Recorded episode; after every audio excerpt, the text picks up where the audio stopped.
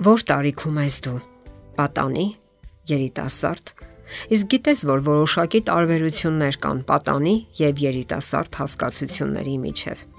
Եվ տարբեր են այն ոլորտները, որտեղ նրանք գործում են, որտեղ իրենց համար հետաքրքիր է եւ երբեմն նույնիսկ անհրաժեշտ։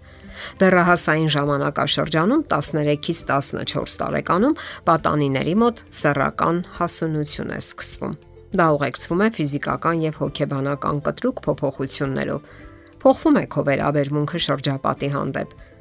Օրինակ, տղաները սկսում են հետաքրքրվել մեքենաներով, սակայն նրանց դեռևս արգելված է անգամ մոտենալ մեքենային։ Խաղաղական ասպարեզում նույնպես նրանք դեռևս ասելիք չունեն։ Արգելված է քվեարկելը։ Արգելված են նաև ալկոհոլային խմիչքները։ Ահա թե ինչու դուք մի տեսակ շփոթահար եք բանակի համար նույնպես շատ վաղ է։ Չեք կարող աշխատել եւ դրան վաստակել։ Դա իսկ ամուսնությունը 7 տարի հետևում է։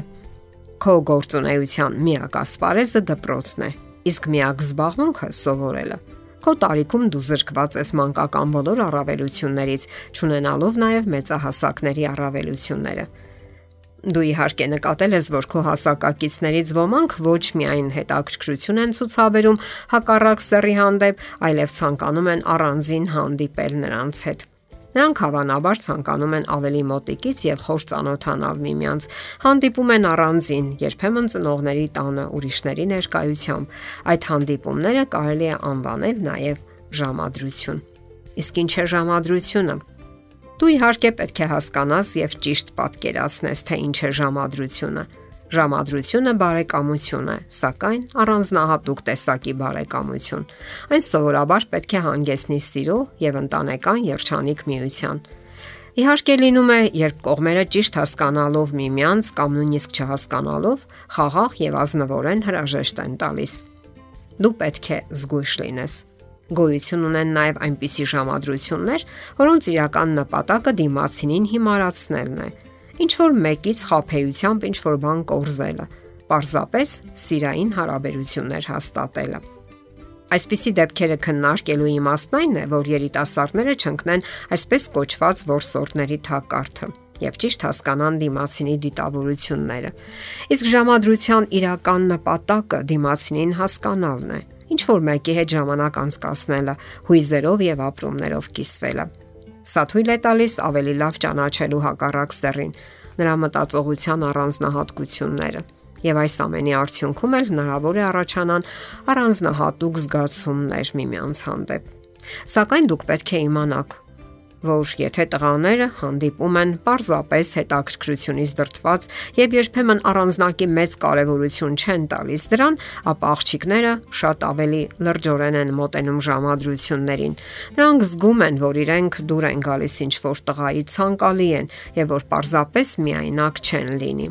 Ահա թե ինչու տղաները պետք է շատ ուրախadir եւ նրբանակալ լինեն, որpիսի չչարաշահեն նրանց վստահությունը Այդպես վարվելը կլինի խափեություն եւ անազնիվ խախ։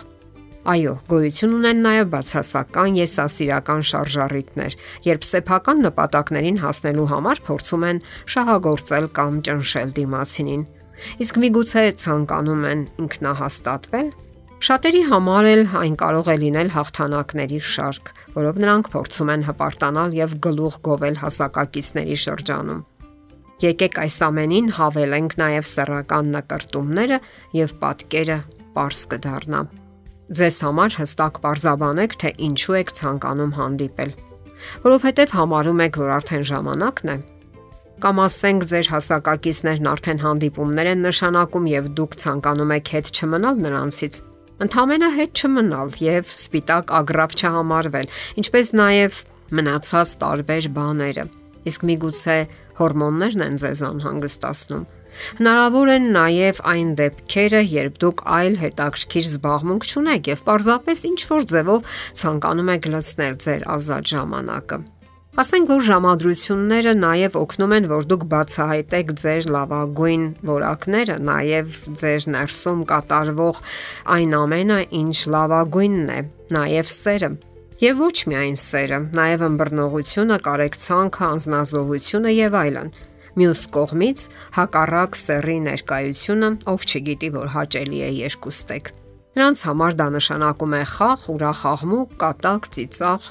երիտասարդական երանդն ու էներգիան կարիք ունեն դրսևորման եւ ինքնահաստատման։ Այս ամենի մեջ անկասկած ոչ մի վատ բան չկա, եթե պահպանվում են պատշաճության կանոններն ու սահմանները։ Ոչ մի սխալ բան չկա այն բանում, որ պատանիները համակրում են միմյանց։ Դա բնականon է, սակայն դուք պետք է իմանաք, թե ինչպես վարվել նման դեպքերում։ Ոչ մի ձևով չպետք է հրահրեք այնպիսի գործողություններ, որոնք կարող են լուրջ հետևանքներ ունենալ Բացառվում են նաև հպումները, գրկախառնությունները, համբույրները։ Այս բոլորը հրահրում են հորմոնների արտադրությունը եւ անհամեմատ ավելի հեշտ է զսպել ինքն իրեն եւ չգնալ այդ գործողություններին, քան հետո զսպել։ Դե ինչ, գոյություն ունեն հարցեր, որոնց մասին անհրաժեշտ է նախորոք զրուցել ծնողների հետ։ Դա կարևոր է, որpիսի զերծ մնաք սխալ հարաբերություններից ձեր իսկ անվտանգության համար պետք է նախազգուշացնել ծնողներին, որpիսի կարողանան հասկանալ ձեր օրակարգը գուշակել այլ մարդկանց, այդ թվում նաև ձեր հասակակիցների դիտավորությունները, որpիսի չդառնաք բռնության զոհ եւ ոչ էլ թույլ տակ անխոհեմ արարքներ, որոնց համար հետագայում հաստատ զղջալու եք։ Կան այլ հարցեր եւս, որոնց մասին կխոսենք մեր հաջորդ հաղորդումների ընթացքում։ Իսկ ընդհանրապես եղեք շրջահայաց եւ խոհուն։ Եթերում է ճանապարհ երկուսով հաղորդաշարը։ Հարցերի եւ առաջարկությունների համար զանգահարել 033 87 87 87 հեռախոսահամարով։